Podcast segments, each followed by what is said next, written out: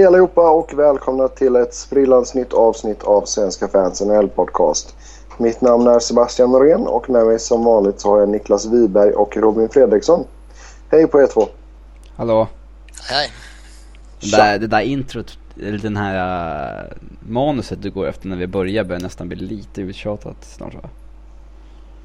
Ja, det är mycket möjligt. Mm, vi får komma på något roligare. Men är detta en jävla stand-up comedy-podd eller nej? Du var, ju på, stand, du var ju ja. på stand-up häromdagen ju. ja, exakt. De Fan, skämt, lärde du dig ingenting eller? De skämten kan jag inte dra här alltså. Det jävla. Uh, I vilket fall som helst. Uh, Stanley Cup-slutspelet uh, är nu över och Chicago Blackhawks fick lyfta bucklan efter 4-2 i matcher. Och eh, det var ju minst sagt en spännande match 6 som vi fick se. Och eh, jag tänkte kolla med Niklas vad han har för eh, spontana reaktioner på match nummer 6. Det man först eh, alltså som först trängdes in i skallen det var ju att får man frågan om man skulle nämna ett lag i hela ligan som definitivt inte skulle släppa in två mål sista minuten. När man leder med 2-1. Så tror jag väldigt många skulle säga Boston. Toronto. ja. Det, det, det, är väl liksom just, just, att Boston av alla lag eh, kollapsar på det sättet mot slutet. Det, mm. det är väl det som man egentligen tar med sig från den här sista finalen. Om man, om man bortser från liksom att Chicago vann och den biten. Men eh, enskilda händelser under själva matchen i sig. Mm.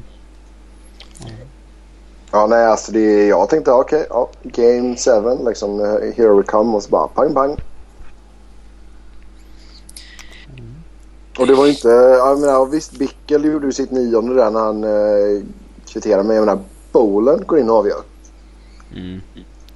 Ja, det var ju ett, eh, ett riktigt brunkamål. De satte ju in fjärde linan efter att de kvitterade 2-2 med eh, Kryger, Bolan och Frolik och det, alla var ju delaktiga i målet. Så att, eh, och det, det är en kedja som har varit, alla som har varit fantastiskt bra för dem. Så det är, det är ganska talande för Chicago att deras depth avgör.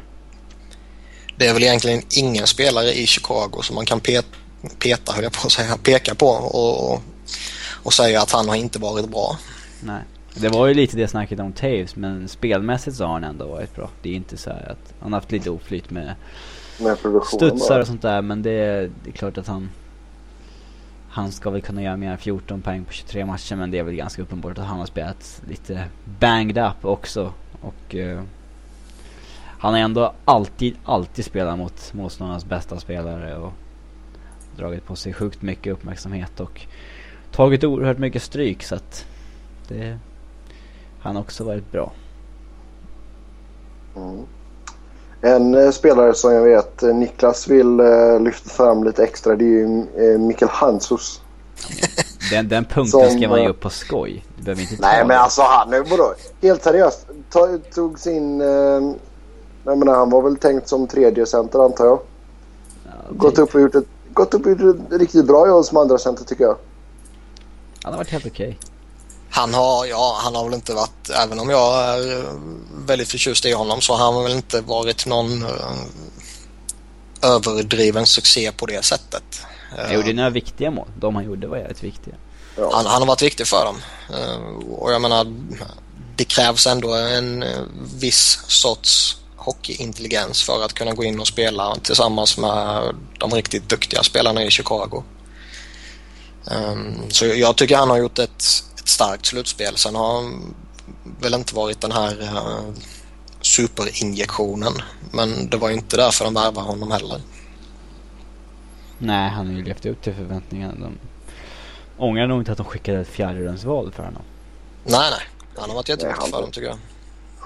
Det är kul att få se honom vinna Stanley Cup faktiskt. Mycket skoj. Mm. Jag säger det, det de, de som jag har mina sympatier hos de vinner. Vi såg det med Mark Recchi när Boston vann. Vi såg det med Simon Gagné i fjol och Mikael Hanschus i år. Nu ska jag bara jag mitt eget. Jag tänkte, jag tänkte säga din stora kärlek för Mike Richards och Jeff Carter alltså. Ja, nu ska bara mitt eget jävla lag vinna också. Ja, men rent teoretiskt, vem skulle kunna vinna nästa år som du har sympatier för? Columbus. Jagger kanske? Om han signar någonstans igen. Det beror på var han signar. Det skulle ju varit jävligt häftigt om Boston skulle vunnit och Jagr skulle fått avsluta en NHL-karriär med en Stanley Cup-seger. Mm. Nu känns det lite som att när, när han var i final och han torskade den så tror jag ändå att det är väldigt mycket som talar för att han lirar vidare ett år till. Jag skulle Ja. jättegärna signa honom på ett år till, till Colorado. De, de, Ja, det han har visat upp de här två säsongerna så tror jag nog det är rätt många lag som är villiga att signa honom på ett år. framförallt är han en av få som nu vill att signa ett år just också. Ja. Det Signar kommer ju ett inte många andra Colorado- göra. Signar han ett år för Colorado då köper jag en Colorado-tröja. En Jagger Colorado-tröja, lätt. Ja, gör det du. Eh, annars så... Eh, det var väl svårt att undgå att det var väldigt mycket skador i båda lagen. Ja, de har ju spelat varannan dag sedan januari i stort sett. Det är klart att de, eh, de har utsatt kropparna för mer än vad det är meningen att man ska göra, så att säga. Det, Men jag gillar ju Patrice Bergeron som ändå har varit grym i slutspelet måste jag säga. Eh, I match 6 då. Bruket, brutet reben. Eh, lite... Ja, alltså muskelproblem och eh, hans axel hade gått och led. knäskadan ja. Ja, ja, det är fint. Mm. Jag gillar ju också... eh, Vem var det som tog en... Det var, var det Shaw som tog en puck i nyllet också va? Ja. Mm. Mm. Eh, riktigt snyggt. Ja, Men det var ju många som hade mm, problem i båda lagen och det var ju inte så att det var alltså någon, någon spelare i någon random fjärde kedja utan det var ju verkligen de viktiga spelarna och de betydande stjärnorna som hade problem. Allt ifrån Bergeron som vi nämnde och Chara var ju helt uppenbart eh, skadad eh, Ja. med tanke på hur dålig han var mot slutet. Ehm, Det var ju inte bara slitage efter en väldigt lång och krävande säsong för en väldigt eh, stor och krävande kropp. Nathan Horton känner ju alla till hans problem och Jaromir Jagr var ju... Han var väl inte den man märkte det extremt mycket på men när man 53 år och man spelar hockey så påverkar det ändå liksom. Och i Chi- Chicago har vi ju eh, skadad. hade bollarna skadade. Toews hade några problem. Hossa hade sina problem. Hansus Brian hade ju både hand och knä och ja. Bickel hade knäproblem. Mm, säkert en hel del som inte har kommit ut heller. Ja. Så är det säkert. Ja. En annan som var skadad det var ju eh, Kings eh, tränare, Daryl Sutter. Han har ju opererats nu. Var det en upper eller lower body injury? Jag tror att det var en lower body. Jag är inte helt säker. Eh, jag tror att det var Claude Julian som sa, när de frågade vad Bergeron hade för skada, och han sa bara 'body injury' Ja, men det var någon annan som sa det under grundserien också. Vilka var det? Var det då, då, Detroit? då är det hemligt. Ja, eller så är det att han har flera skador. Nej, inte allt möjligt. Ja, nej men eh, vad säger ni? Det är väl ganska rättvist ändå att Chicago vann. Ja, ja. Kolla, kolla, på deras, kolla på deras grundserie och sådär. Ja. Det, det har, de har ju varit bästa laget över hela säsongen. Ja, slår man ut det här över eh, januari fram till eh, slutet på juni så tycker jag inte det är något snack om att det bästa laget vinner. Eh, sen är det väl inget snack heller om att det var de två bästa lagen som möttes i finalen kan jag tycka. Mm. Verkligen. Det, Riktigt fint slutspelsskägg på Johnny Oduya också. Ja, jag, jag, han var... Han var alltså, jag bra. Jag blev riktigt bra. imponerad av honom. Ja. För det första som du säger, han har ju sjukt nice skägg ju. Det, det, bara det är ju lite eh, status på det. Men eh, alltså re, redan när han kom till Chicago så fick han ju en liten nytändning och eh, var väl en, en pålitlig försvarare åt båda hållen rätt direkt egentligen. Men eh, det känns lite som att han lyfte sitt spel ett snäpp till den här säsongen och framförallt det här slutspelet. Eh, Där han egentligen ja, man kan inte peka på några brister i honom i det här slutspelet utan tvåvägsspelet var klockrent. Um, han hävdade sig i egen zon, han kunde ta kampen framför mål, han kunde ta kampen kring sargen, han kunde transportera puck, han hade skön första pass. Alltså allting man kräver av en försvarare i den rollen som, som han har bakom uh, två lite mer namnstarka gubbar i Keith och Seabrook. Mm. Och jag menar, han, alltså han och Hjalmarsson passar ju jäkligt bra ihop också. Mm, verkligen. Så det, men det var kul att se. Såg ni eh, intervjuerna de gjorde nere på isen sen efteråt? Nej. Ah, Okej, okay. Johnny Doja snackar ju riktigt bra engelska. Alltså riktigt bra. Medan Hjalmarsson, åh herre jävlar alltså. Hjalmarsson han från någon jävla bonahåla i småländska skogen så. Där får man inte lära sig engelska i skolan. Ja, jag vet inte, får ni, får ni göra det? Ja men jag bor ju i storstad för fan. Växjö är en storstad ju. Han kommer ju från någon håla någonstans, du vet, mitt ute i ingenstans. Ja, okej. Okay. Ja. Ja, annars då. Uh, Patrick Kane vann Conn Smythe Trophy som uh, slutspelets MVP. Och uh, ja, varför vann han den, den här? Nej, jag, jag spydde lite i munnen när Kane stal den där av Marcus Kriger, det måste jag säga. Men... Uh, ja, alltså Kane gjorde ju clutch goals så att säga. Ja. Uh, viktiga mål. Men uh, överlag så var det väl ganska dålig konkurrens om den i år. Det var ju inte så att vi hade två, tre som hade varit riktigt bra. Det var snarare så att det var ganska många som inte hade varit jätte, jätte, jättebra. Uh, jag hade nog kanske gett den till Duncan Keith. Eller kanske till och med till uh, Tukarask. Trots att Chicago eller vann. Brian Bickle? Uh, jag vet inte. Kan... Fast det här med att, att ge till eh, förlorande lagets spelare. Eh, mm. Jag, jag, tycker inte det ska vara något hinder mot att göra det. Men i så fall så ska det vara att den spelaren har varit helt alltså jävla fantastiskt enastående i hela slutspel. I hela slutspelet och burit fram ett, ett halvsunkigt lagbygge om man säger så. Um, Tuka Rask, ja, har ju varit, Tuka Rask har ju varit skitduktig men han spelar ju också i ett fantastiskt bra lag. Mm. Ja, men fram, främsta argumentet för mig var väl att eh, det är inte riktigt någon i Chicago som har stuckit ut så bra i år.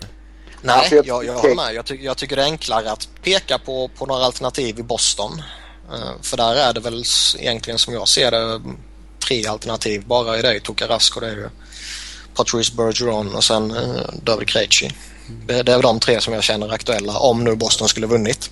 Mm. Lucic tycker jag har hur grym som helst också. Det är, alltså om man jämför med hur Kane var i Chicago så tycker jag Lucic ja. hållit en jämnare nivå över hela slutspelet. Mm. Alltså tittar man på Chicago Kane så är det liksom... I de två första rundorna. Mm. Ja, det var... Alltså det, det, någonstans är det ju tufft att säga att Patrick Kane inte är en värdig vinnare. Alltså snubben kom ändå tvåa i slutspelets poängliga och han vann den interna poängligan i Chicago. Men sen samtidigt känns det lite absurt att en snubbe som kritiserades en hel del under rätt stora delar av slutspelet som, som du var inne på lite här nu precis Ebbe, att, att han blir MVP. Um, ehm, jag tycker inte att han är ovärdig vinnare men jag tycker samtidigt att han gick lite för många matcher utan att sätta något avtryck på de här matcherna så att säga. Mm. Det som räddar honom är att i stort sett alla mål han gjorde var ju ruskigt viktiga mål. Ja, och att det inte är någon annan som uh, har varit outstanding. Mm. Alltså Absolut. överlägset outstanding om man säger så. Alltså, det hade, jag hade fan blivit arg på riktigt om Crawford hade vunnit den. Det hade varit så ja. löjligt att det alltid ska gå till målvakten. Så varit han, må, han måste ha lite bättre plockhandskar för det va? Ja, det där är väl lite överdrivet men alltså... Alltså... Det kan ju inte vara så att målvakten... Alltså målvakten är ju alltid den viktigaste spelaren. Det går ju inte att komma ifrån. Men jag tycker inte att målvakten ska ha den om inte det är verkligen han som har burit laget dit så att säga. Det, man kunde köra det argumentet för Quick i fjol. Eh, kanske till och med för Tim, eller ja, Tim Thomas året innan. Eh, men för Crawford i år, det hade varit... Nej, han har ju, han har ju varit tillräckligt bra för att han skulle vinna. Men eh, absolut inte så att det är han som är huvudingrediensen i det hela. Det tycker jag verkligen inte. Nej, det håller jag med om. Men uh, jag håller likväl Crawford som ett av alternativen. Men det är ju för att... Brist på annat ja. Ja, ja, i princip. Alltså jag skulle säga Kane, Toews, Crawford, Sharp, uh, Keith. Pickle? Ja, till viss del. Det, det är väl de eh, fem, sex namnen som jag skulle säga bör vara aktuella för att kunna få den. Sen är det skitsvårt att peka ut någon. Jag tror till exempel att Chicago skulle nog aldrig eh, för det första vunnit finalen och för det andra kanske inte ens ta sig till finalen om det inte vore för Jonathan Toews. Eh, skulle man plocka bort honom på grund av skada eller någonting så, så tror jag nog att de skulle haft rätt stora problem. Men sen samtidigt kan jag inte säga att han var någon MVP för hela slutspelet. Mm. Tror, ni, tror ni att han lirar med en lätt hjärnskakning? Ja, då är ja, hjärnskakningar känns det som är, det är liksom ingen som någon, någon tillåtas playthrough längre. Det är, men däremot spekuleras det ju om han någon form av handskada för han kan ju inte teka eller skjuta ordentligt. Jag vet inte. Det var ju en rejäl snyting mot två i match fem. Ja, han har ju blivit mobbad av Chara och de där jävla hela slutspelet. De har ju riktat in riktigt mycket stryk mot honom. Mm. Det...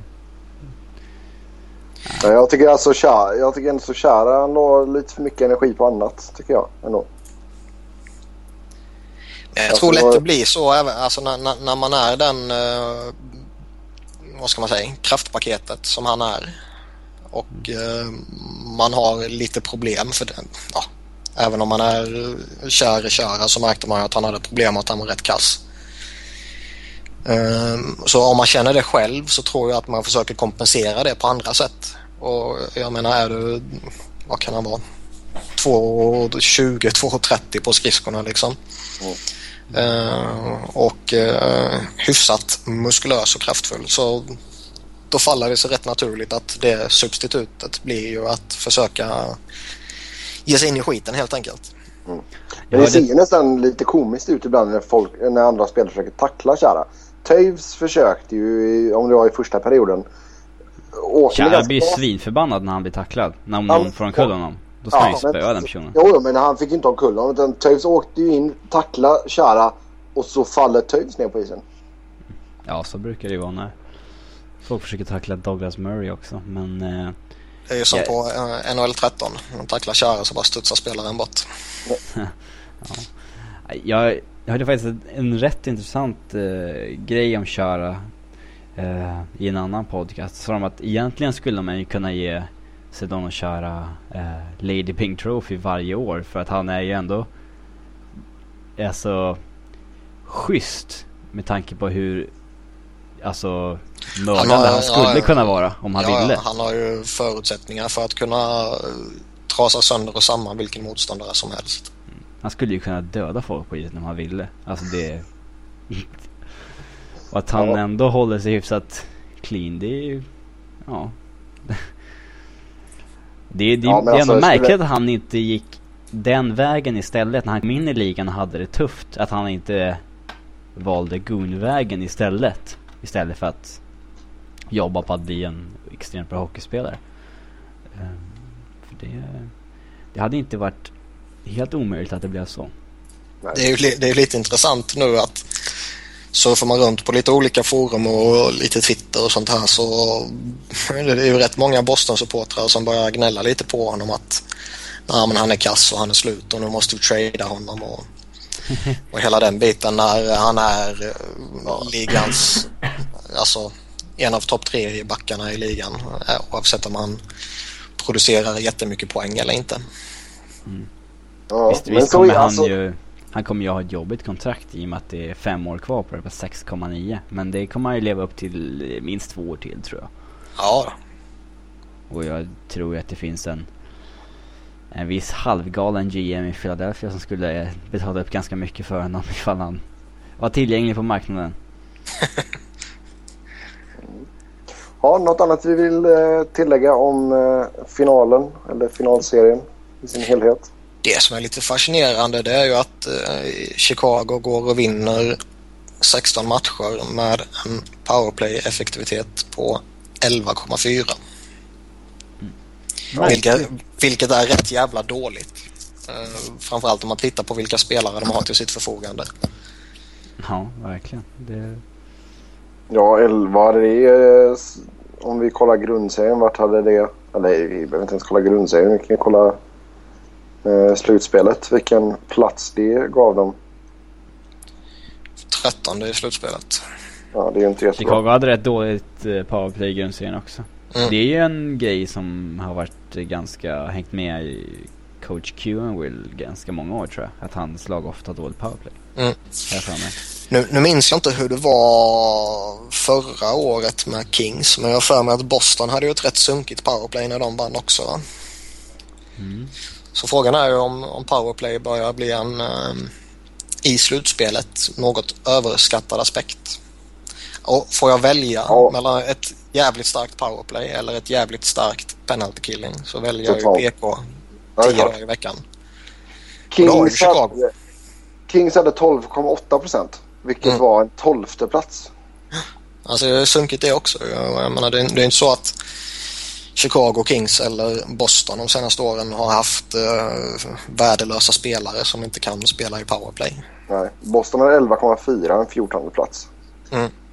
Så det, det, tycker jag är lite fascinerande när alla pratar om att powerplay är så sjukt viktigt men tittar man på de senaste vinnarna så är det egentligen obefintligt. Så länge du har ett bra PK. Ja, ja och jag menar Chicagos PK har ju varit helt riktigt, riktigt bra. Eh, I grundserien så hade Chicago ska vi se, 19 plats. 16,7 procent. Så jag menar det är en ganska saftig dipp ändå. Mm. Ja, det var, var inte bra i grundserien heller. Nej.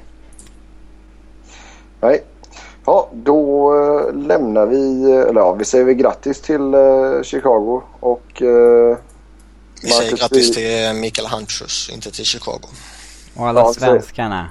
Och alla svenskarna. Viktor mm. Stålberg och Marcus Kryger och Niklas Hjalmarsson och Jonny Oduya. Ja. Och ja. den svenska scouten Mats Hallin. Nej. Ja. Grattis Mats. Gotta dig nu. Ja, exakt. Känner att du har gjort nytta. En sak som är rätt spännande förresten innan vi går vidare. Det är ju mm. som du har pratat om lite att det var ju när Chicago vann senast så var det ju första laget som verkligen fick eh, trasa sönder sitt lag på grund av lönetaket. Mm. Eh, och eh, det är ju det första laget som har vunnit, fått trasa sönder truppen och vinna igen. Um, trots att de den här eh, säsongen inte levde på sina entry level kontrakt som de gjorde för några år sedan. Mm. Ja, alltså de är ju i mycket bättre situation nu. Med, alltså, det, det kommer inte behöva bli en sån rockad igen. Nej, sån rockad kommer inte bli. Men de har lite, lite strul har de. Eh, jag tror de har typ ja, mindre än två miljoner kvar och de har utgående på Kryger, Hanses, Stålberg, Bickel, Leddy, Rosewall, ja. Ray Emery. Ja, men Ray Emery kommer ju inte stanna. Nej, det är klart att de... Stålberg det är omöjligt kom... att de där stannar. Ja, så Stålberg kommer inte stanna. Nej, jag vet. Sen har de en sån som Rostislav Orlic som de säkert kommer köpa ut. Ja, just det. Ja, den kommer de köpa ut. Och då är det 2,2 miljoner som de får extra. Mm. Det... Japp, så är det. Nästa punkt på schemat är eh, tränarcirkusen. Vi har fått lite, lite ny byten här bland tränarna och eh, vi kan ju börja med Lindy Ruff då som eh, tar över Dallas Stars. Vad tror vi om herr Ruff i eh, Texas? Det känns väl... Uh, det, jag har svårt att, att placera in Lindy Ruff i... Uh, alltså i eh, antingen som en bra coach eller som en halvsunkig coach. Eh, det är svårt att få grepp om det baserat på Buffalos senaste år för å ena sidan har de ju inte varit bra men å andra sidan så tycker jag väl ändå inte att det är hans fel med tanke på att uh, truppen de har haft till förfogande har varit rätt uh, halvdan om vi ska vara snälla. det är alltid jävligt svårt att bedöma en coach som har varit i samma klubb hur länge som helst. Alltså Mm. man har inte så mycket att jämföra med att, ja han funkar under den GMen men inte där liksom. Och, ja. Nej, men alltså går- går man tillbaka till några år när, när de ändå hade ett, eh, ett väldigt schysst lagbygge när eh, Ryan Miller var, var riktigt bra då. Bra. Precis efter lockouten och eh, Danny Breer och Chris Drury bar laget och Brian Campbell var fantastisk och Teppo Numminen var Teppo Numminen och allt vad de hade på den tiden. Då kändes han ju ut som en grym coach.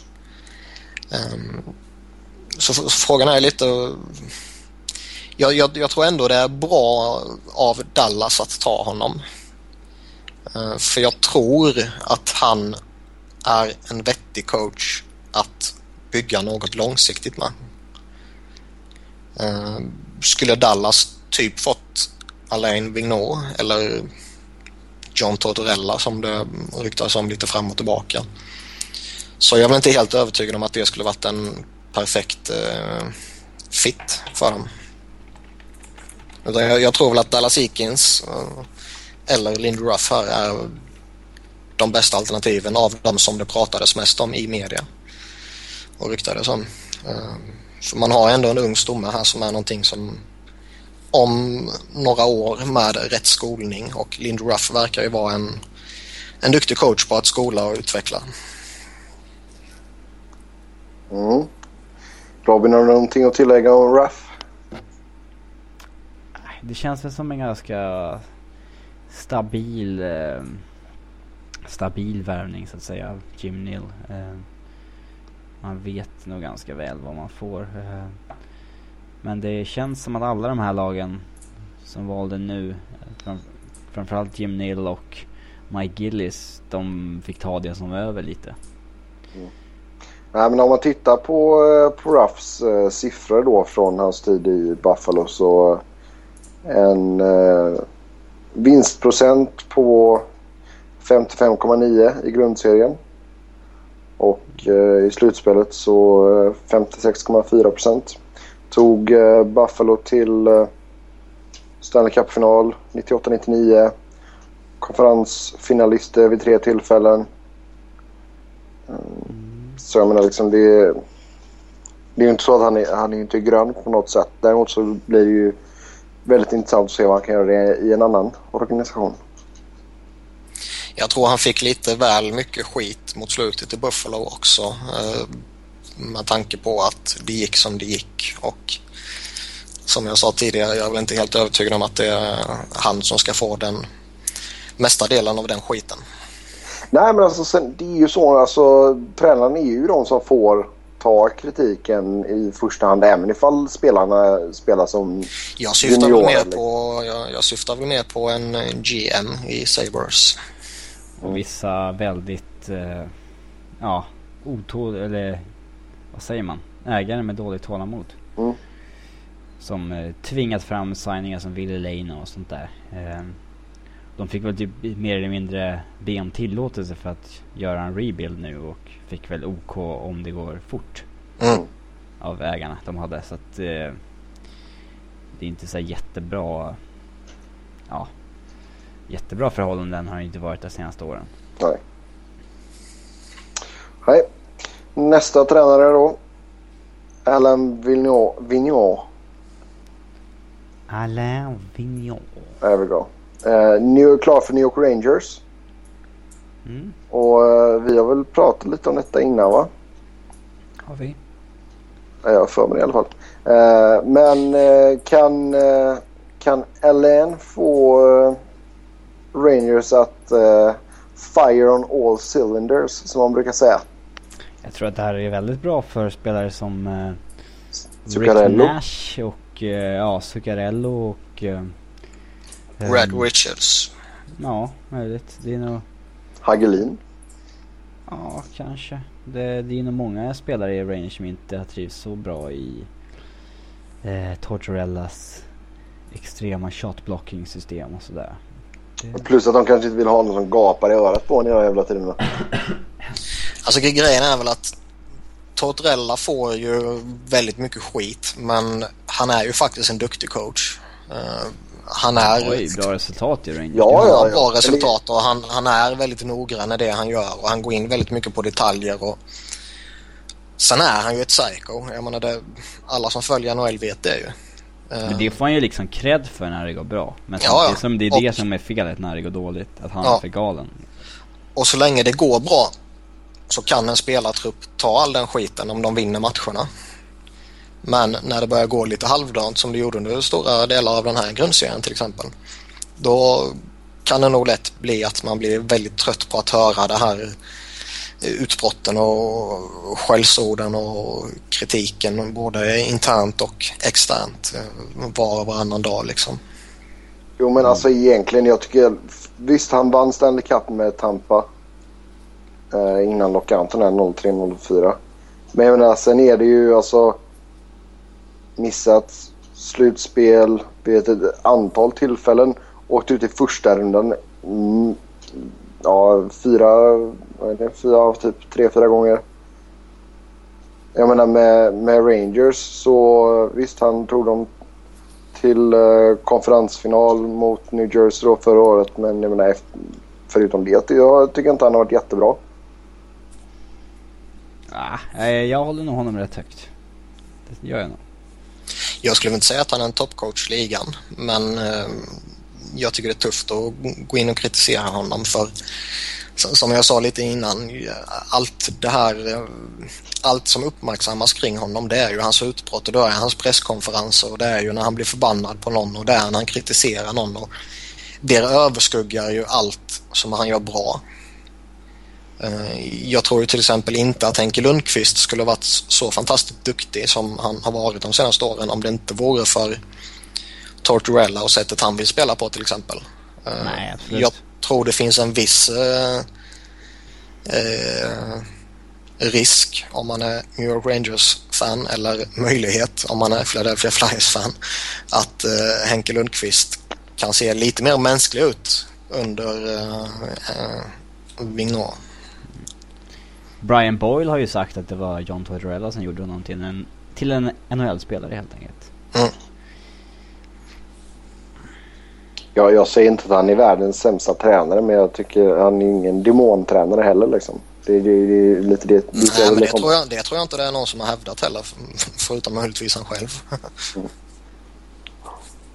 Yes. Uh, ska vi ta och gå vidare till... Uh, ska vi prata Dallas Iken eller?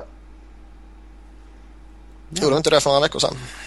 Eller? Ja, men nu när vi ändå så pratar lite tränare så kan vi Ja, väl visst. Jo, vi har fan snackat om honom efter det Ja, men vi kan ta en snabbis igen. Okej.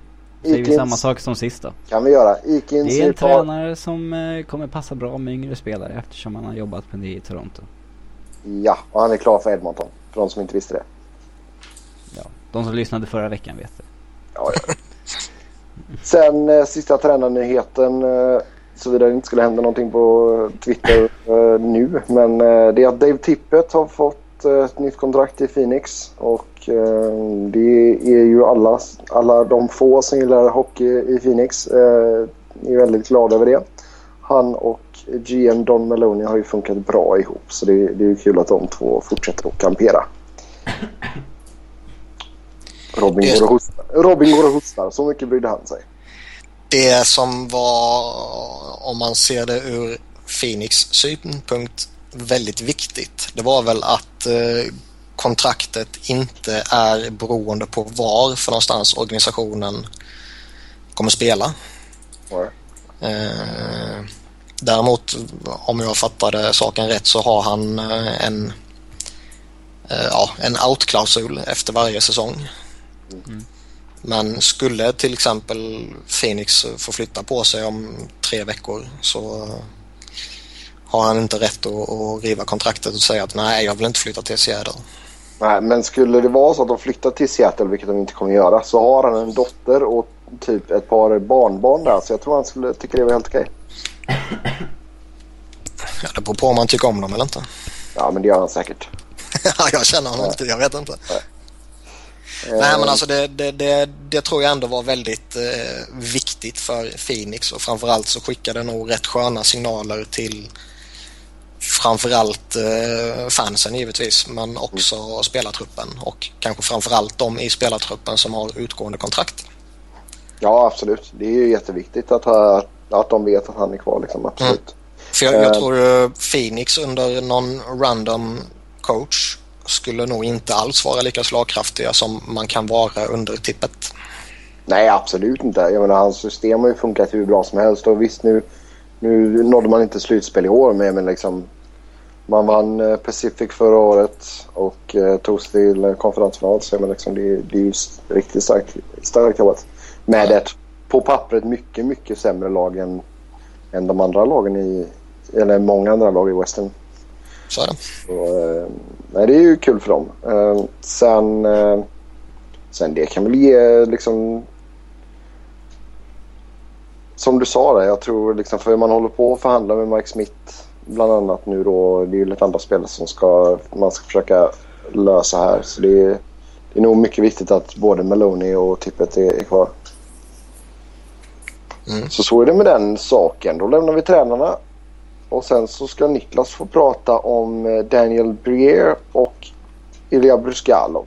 Som båda blir utköpta från Philadelphia Flyers. Jag tänkte vi börjar med Briere.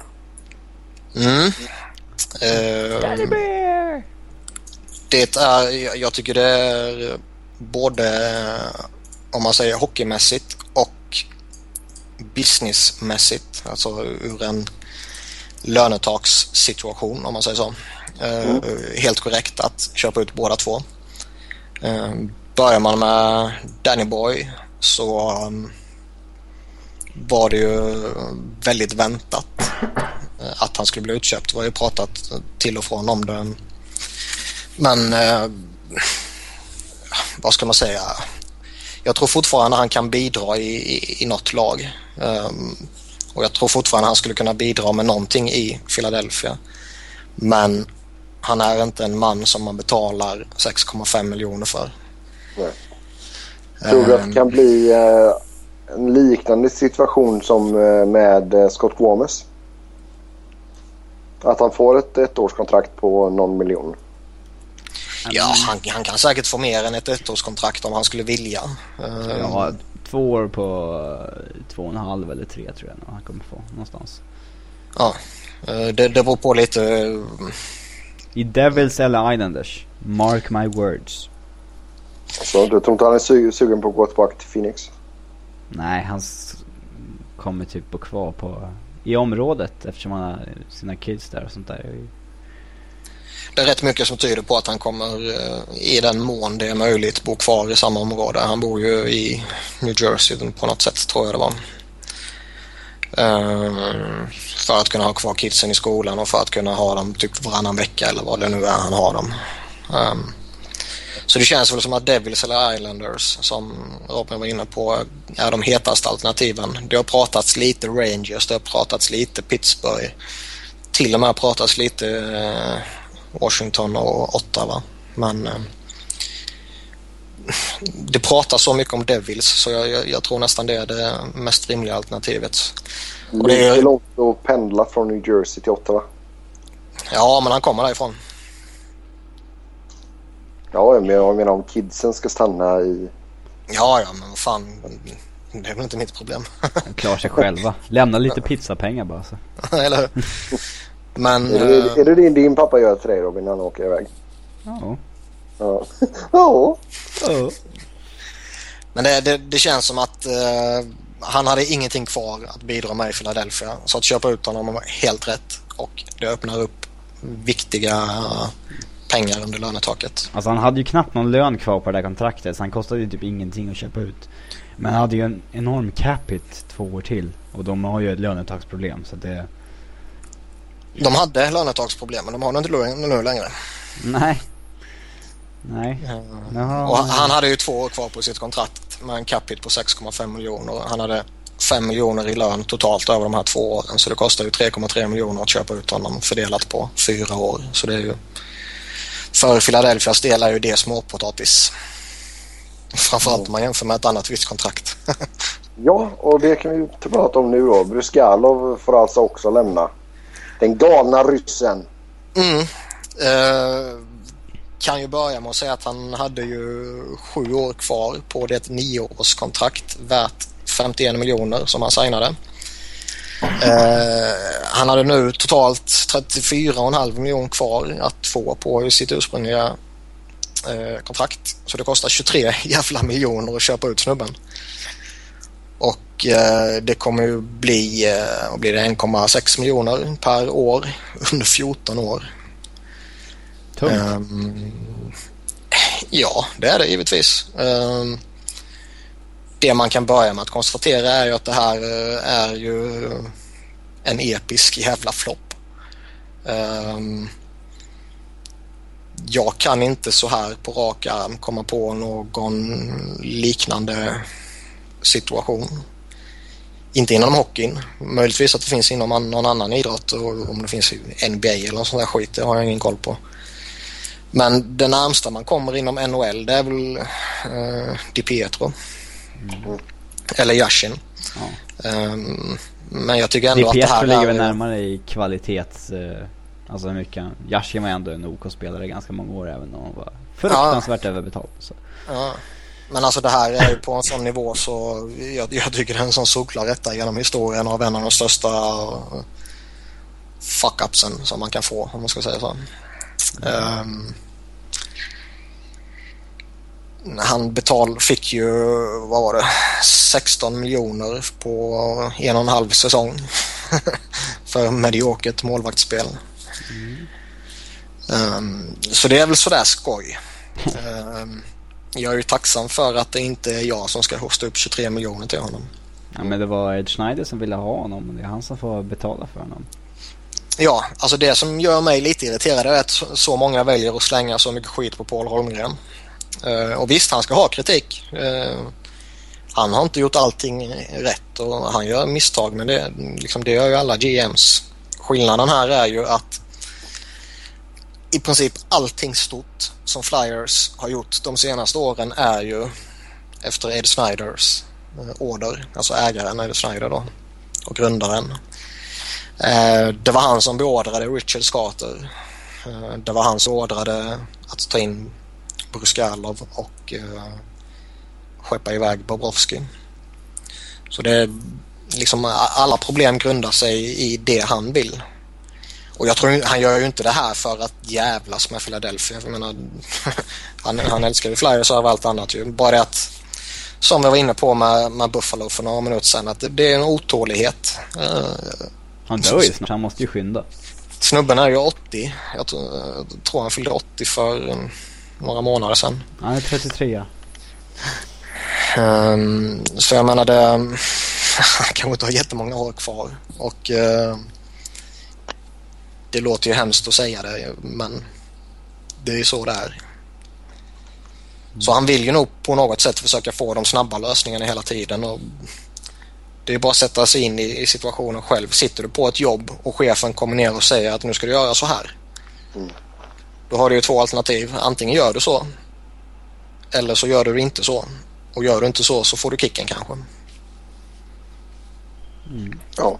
Sen ska man inte slänga för mycket kritik på Ed Snyder för utan Ed Snyder skulle Philadelphia bara vara skit rakt igenom. Alltså, han har gjort så mycket för, för eh, Flyers från begynnelsen och framåt och eh, har gjort så enormt mycket för staden Philadelphia också.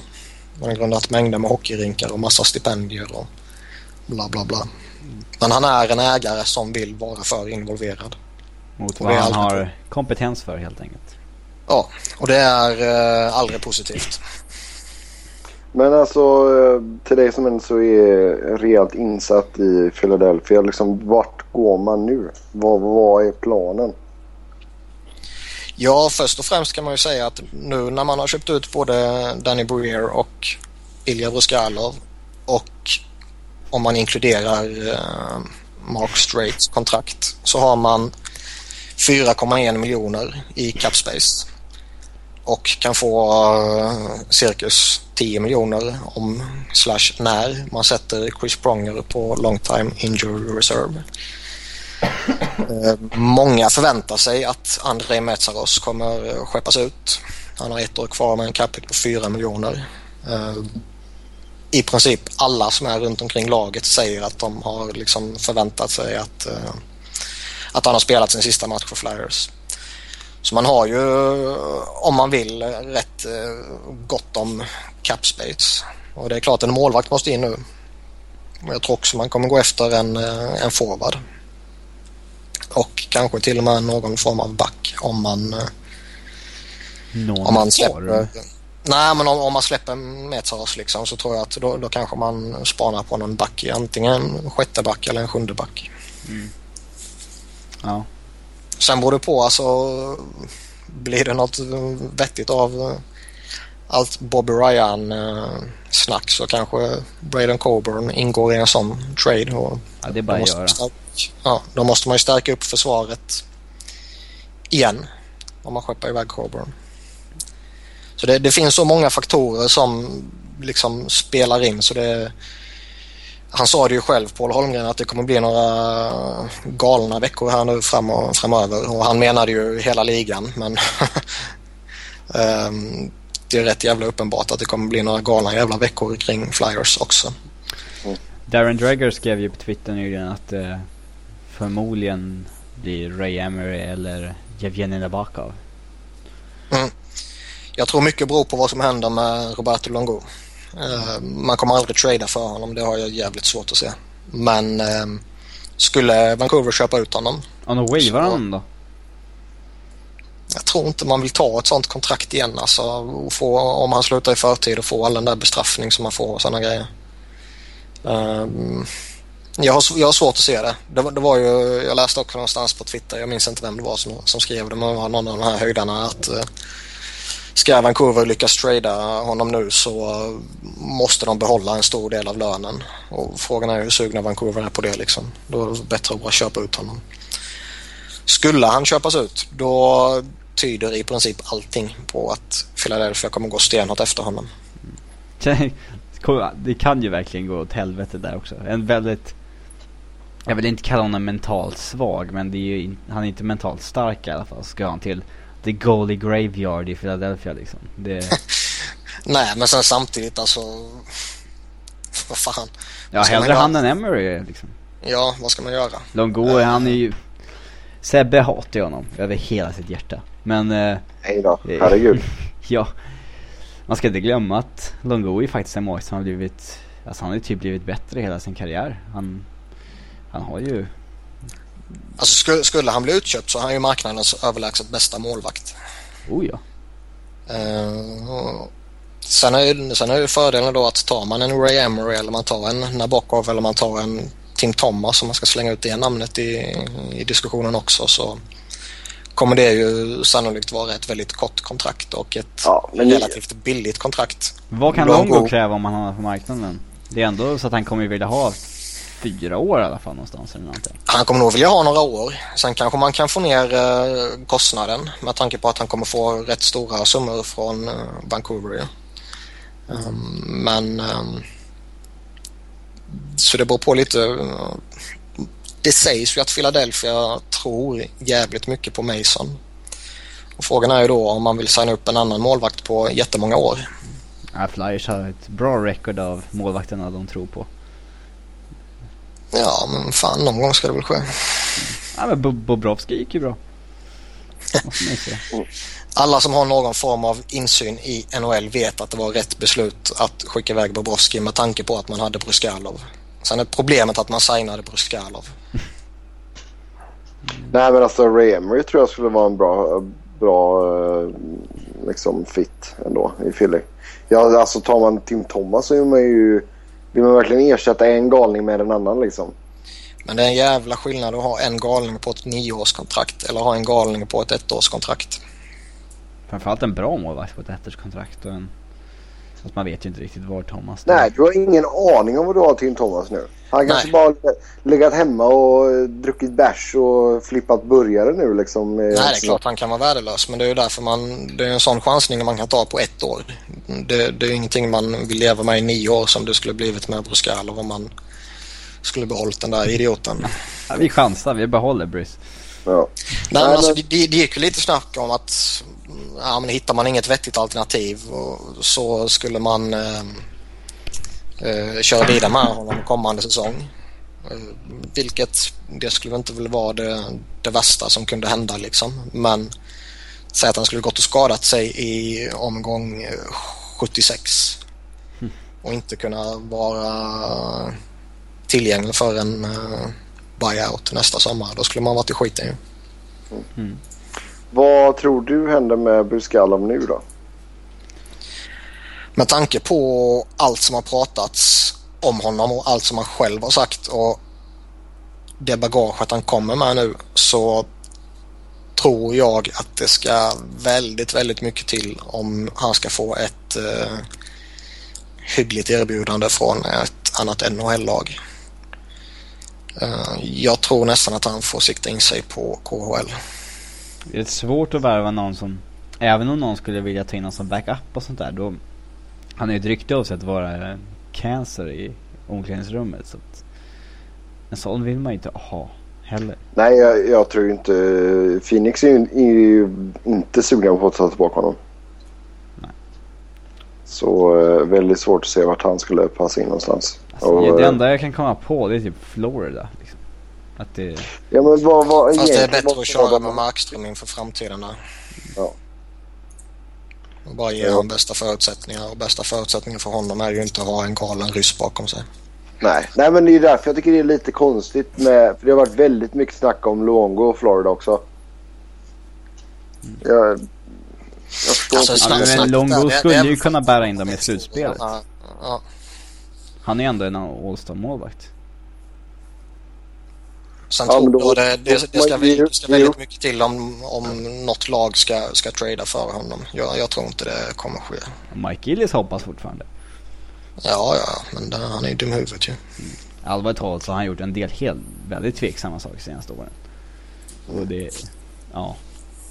Men när vi ändå är så inne på uh, Vancouver-spåret här. Hur, för det här borde vi ju pratat om tidigare. Men hur tror vi att Tortorellas alltså väldigt aggressiva stil i omklädningsrummet och sådär. Hur, hur kommer bröd, äh, bröderna Sedin att reagera på detta? Det har varit väldigt mycket, i alla fall på Twitter från amerikanskt och kanadensiskt håll att det är... Alltså det är väl lite överdrivet det, det där. Som jag ser det så finns det väl egentligen två liksom, potentiella eh, händelser, eh, möjligheter om man säger så. Antingen kommer det gå helt åt helvete. Eh, folk kommer hata honom. Hans tänk kommer inte passa in i lagbygget och ja, den där biten liksom. Eller så är det här precis vad det här lagbygget behöver. Ehm, de behöver någon jävel som är på dem hela tiden och som triggar igång dem det här sista. Ehm, för tittar man på dem de senaste åren så har ju det har inte varit det här laget där de stora spelarna bortsett från Ryan Kessler när han är helt frisk och fräsch som går in i bräschen och verkligen tar kriget för att vinna. Um, kan, kan eh, Tortorella på något sätt få in den mentaliteten i hela laget så kan det ju faktiskt bli riktigt jävla bra. Um, det kan bli väldigt intressant, eller det kommer ju oavsett bli väldigt intressant att följa. Men skulle hans eh, sätt att tänka eh, liksom gnuggas in i hela laget och framförallt eh, stjärnspelarna och framförallt tvillingarna Sedin så skulle det kunna bli riktigt bra. Men som sagt, det kan också gå väldigt, väldigt dåligt. Sen är nog Vancouver ett lag som i grunden, även om det kommer gå dåligt för dem med en ny coach, så tror jag att de är så pass bra så de ändå kommer vara ett slutspelslag. Yes, det kan jag väl hålla med om. Nej, men det är, ju lite intressant. Ska han få liksom, Sedinarna att börja slänga sig och täcka skott och du vet. Han sa ju det på sin presskonferens nu att uh, han fick ju givetvis frågan om det. Så han sa att ja, men de kommer spela nummer ett underläge och spelar man en nummer ett underläge kommer man täcka skott.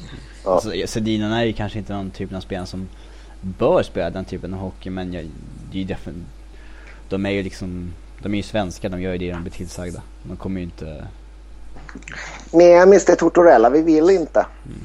Ja. Nej, de kommer ju liksom spela på det sättet. Men det är väl inte optimalt att, ha, att de ska spela på det sättet.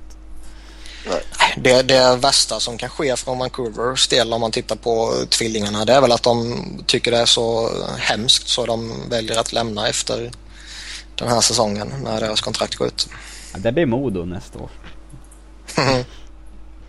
Nej, men, tror du, tror du, jag vet inte. Nej. Känns de inte jäkligt hemmastadda i Vancouver ändå? Jo, jag, jag tror de kommer spela ut sin karriär där. Och sen om man ska flytta då ska ju bägge någonstans. Och då eh, måste de hitta ett lag som Då har typ blir det 15 jobbigt. miljoner i cap space. Ja. Och som dessutom har det, men är villiga att spendera den biten. För de flesta som har 15 miljoner cap space, de har ju det av en anledning. Att de är ägare som inte vill spendera till taket. Exakt. Sedinarna till Phoenix. Ni hörde det här först. eh, en annan spelare som har blivit utköpt är eh, Tomas Kaberle. Den eh, ärrade backveteranen. 35 år gammal. Ja. Ja, och hans Senast- karriär har gått i en... i eh, eh, Montreal. Ja, hans karriär har gått spikrakt neråt. Så det, nyhetsvärdet är väl eh, inte jättestort. Jag tror i princip allihopa hade förväntat sig det här. Eh, och jag har väldigt svårt att se att han eh, får någon fortsatt framtid i NHL. Han Han får Han leta får sig dra- hemåt.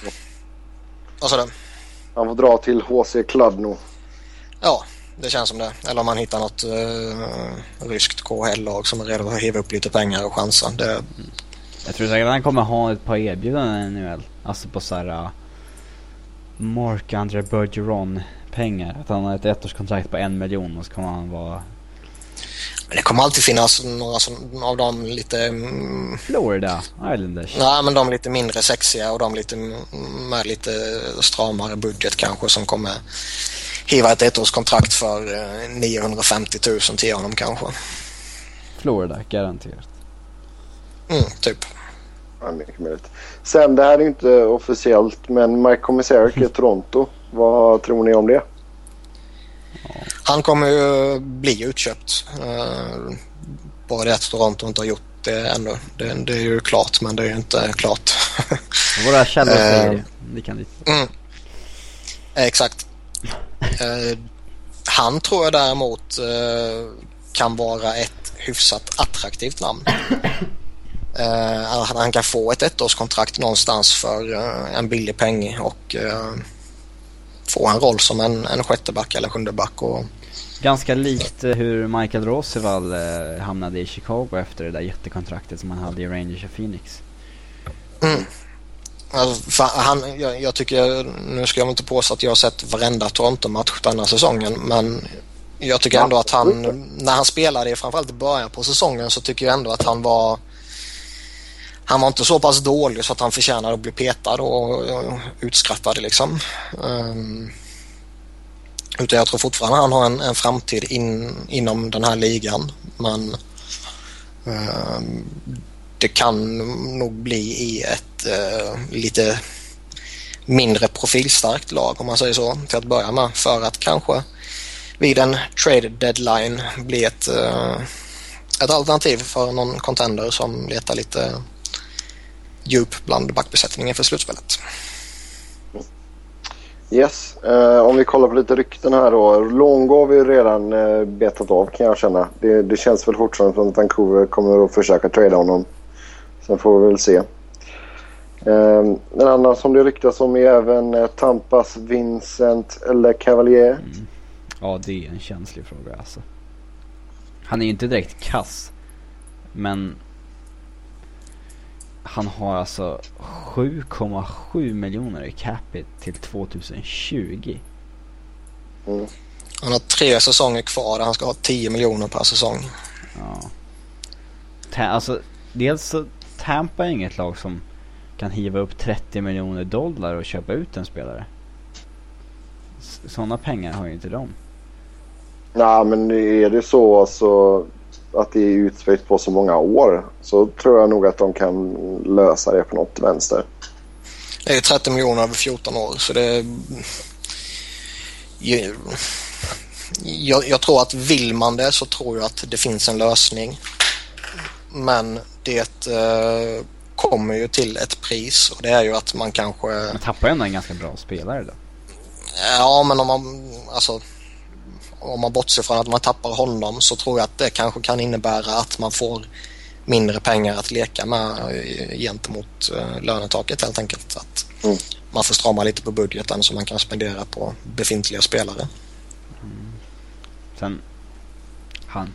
Sen sku, skulle de köpa ut honom så kommer han ju nog bli extremt eftertraktad mm. på marknaden. Ja, det är capita som är problemet. Han är fortfarande mm. bra mm. nog för att vara en ja, andra center någonstans. Men oh. han ja, är ju inte den ja, mycket. Han gjorde väl över 100 poäng när han fick det där kontraktet. Den spelaren här är ju inte längre. Nej, nej. Det kan ju alla hålla med om. Ja, men vad alltså... Tror ni så? Skulle man kunna få det att funka inom budgetramarna då? Tror ni att han blir utköpt?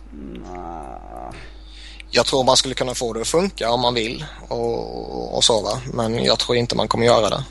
Mm. Det kanske finns en liten, liten möjlighet eller risk beroende på hur man ser på det. Uh, om han är väldigt dålig kommande säsong. Att man gör det nästa år. Uh, men jag har väldigt svårt att se att man gör det nu. Sen eh, även, eh, det har ju snackats om Danny Heatley i Minnesota. Eh, skadad just nu men eh, skulle han bli frisk så... Han kommer ju inte bli frisk. Utan han, han har en så pass allvarlig axelskada så han är körd. Uh, vilket kan ställa till en hel del problem för Minnesota. För de behöver cap space. Ja, de har cap-problem. Uh, det har de. Men är han körd körd eller är alltså... Nej, bara, bara, bara körd för en buyout. Uh, han kommer inte bli friskförklarad i tid för att bli utköpt. Ja, okay. uh, sen, kom, sen om jag har fattat saken rätt så kommer han vara frisk till säsongstart. Eh, men han är liksom tokkörd om, om man pratar buyout denna sommaren. Ja, och sen har han ju eh, bara kontrakt över kommande säsong så mm. det är ju inte direkt aktuellt att köpa ut honom om ett år. Men det hade varit lite onödigt. ja. Annars är också det ett sånt här namn som det har pratats lite om. Okej, skulle han köpas ut, ja men då kan han kanske bli ett rätt sexigt alternativ och, och skriva på ett eh, hyfsat kontrakt och, och, kanske man kan få igång honom igen. Mm. En annan spelare som också är skadad och som inte kan köpas ut är Martin Havlat i San Jose. Som eh, opererade, var det axeln eller var det höften? Det minns jag inte. Han behöver väl operera lite allt möjligt. Huvudet. Ja. Annars är det också ett sånt här alternativ till eh, buyout känns det som. Men nu är det kört för dem. Ja, några andra namn som vi tycker borde bli utköpta eller som eh, kanske är hyfsat sannolikt att det skulle kunna hända. Det finns några alternativ i Edmonton eh, men om man går på det senaste snacket så kommer det väl inte ske och det är ju typ Sean Horncorf som det pratas lite om att ja, men han kommer de köpa ut från sitt kontrakt men det, det verkar inte bli av. Sen har det pratats lite om eh, Ryan Smith också. Där, där vet jag inte om det har kommit något nytt eller inte men det är ett namn som nämns. Så det, det är väl en skitsak i sammanhanget med Ryan Smith. Även om han var riktigt duktig en gång i tiden så mm. känns det väl inte så jättespännande nu för tiden. Nej. Sen är det alltså det finns ju nog rätt många sådana här eh, Alltså vi pratade Chicago i början på programmet. Eh, Ålers till exempel. Eh, Steve Montador. De kanske tar båda eller i alla fall en bör de göra. Mm. Vancouver är också rätt tajt där och beroende på vad de gör med Longo och beroende på vad de vill göra ytterligare så har de kanske något alternativ där. Jag vet inte hur de ser på David Booth till exempel. Om han är, jag vet inte om han är tillräckligt frisk för att bli utköpt också. Han är väl skadad hela tiden tycker jag. Mm. Um, annars känns det lite som han kan vara aktuell för en sån. Jag vill slänga in Sheldon Surreys namn. Tror du? Alltså. Jag hatar allting som har med Anaheim att göra men jag tycker han var helt okej okay denna säsongen. Sen är kontraktet lite absurt. Mm. Ehm, men jag skulle nog... Eh, jag tycker han är tillräckligt bra för att uh, spela. De har väl inte problem mm. med löneutrymmet eller sådär? Alltså de... Nej. Alltså det där kontraktet mm. är väl ingen belastning direkt för dem? Nej. Däremot kanske det blir aktuellt eh, om ett år. Ja, absolut. Beroende på vad han presterar denna säsongen och beroende på ja, om de har någon, uh, något prospect som slår igenom och hela den där biten. Va? Mm. Nå, något annat namn som vi tror kan vara... Jag vill mest bara att vi, vi listar upp lite spelare som vi vill se utköpta. Som vi inte vill se mer helt enkelt. Ja, ser ju gärna att Nashville köper Weber till exempel. mm. Sen är det ett, ett intressant namn, det är Brad Richards. Men jag tror vi pratade lite om han förra veckan. Om, nu lär han väl få ett år till på sig här under en ny coach. Mm. Skulle han köpas ut annars så blir det ju nog ett väldigt eh, attraktivt namn på uh, öppna marknaden. Ville Leino? Ja, den... Det har pratats en hel del om honom men jag för mig att Buffalo har sagt att de inte kommer använda någon buyout. Uh, och jag kan väl tycka att ja, man bör kanske ge honom ett år till.